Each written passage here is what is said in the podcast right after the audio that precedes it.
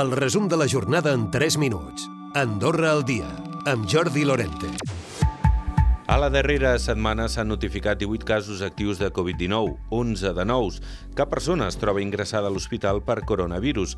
Són dades que confirmen la millora setmana rere setmana i que han dut el govern a flexibilitzar més les mesures. Així, s'elimina el cribratge obligatori al personal dels hospitals, de centres sociosanitaris i de consultoris. Finalment, tampoc caldrà limitar a dues persones la visita als centres sociosanitaris. En parlava el ministre portaveu, César Marquina. Hem fet eh, modificacions per tal d'eliminar el cribatge eh, els cribatges periòdics que es feien, tant al personal dels, eh, de l'hospital com al personal dels centres sociosanitaris. Les visites també s'ha fet una modificació per tal de garantir o de permetre que les visites als centres sociosanitaris, recordem que hi havia una limitació d'un màxim de dues persones eh, simultànies en aquestes visites i aquesta limitació s'elimina el govern ha anunciat Marquina ja no té pendent de pagar cap factura de l'any passat a proveïdors. Amb l'entrada de personal en les darreres setmanes s'han anat posant al dia. Fa dues setmanes el deute de l'administració amb els proveïdors era de 3 milions d'euros, tot i que havia arribat a 12 milions i mig. I l'aeroport d'Andorra la Seu ha inaugurat aquest dimecres els sistemes d'enllumenat que permetran fer un pas endavant i ampliar els horaris de vol quan es faci fosc. A l'estrena necessita el ministre de Presidència, Economia i Empresa, Jordi Gallardo, acompanyat del conseller de Territori de la Generalitat, Juli Fernández.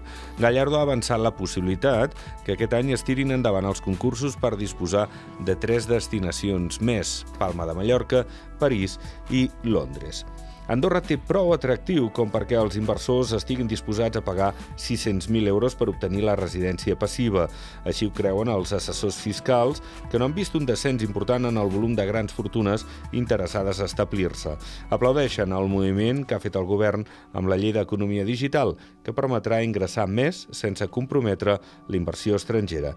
En parlen dos assessors fiscals, el Pau Auger i el Josep Garcia. Són persones que tenen un patrimoni bastant més substancial que 600.000 euros.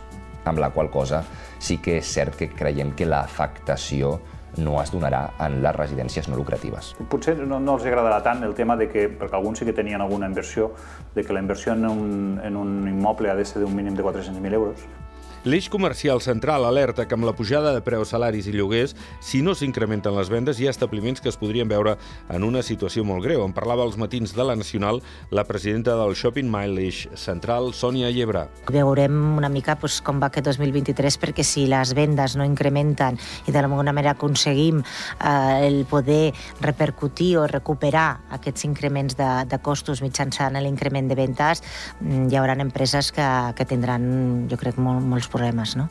I en marxa una nova campanya de sang. La primera d'aquest 2023 es durà a terme fins aquest divendres al Centre de Congressos d'Andorra la Vella. Recupera el resum de la jornada cada dia a Andorra Difusió.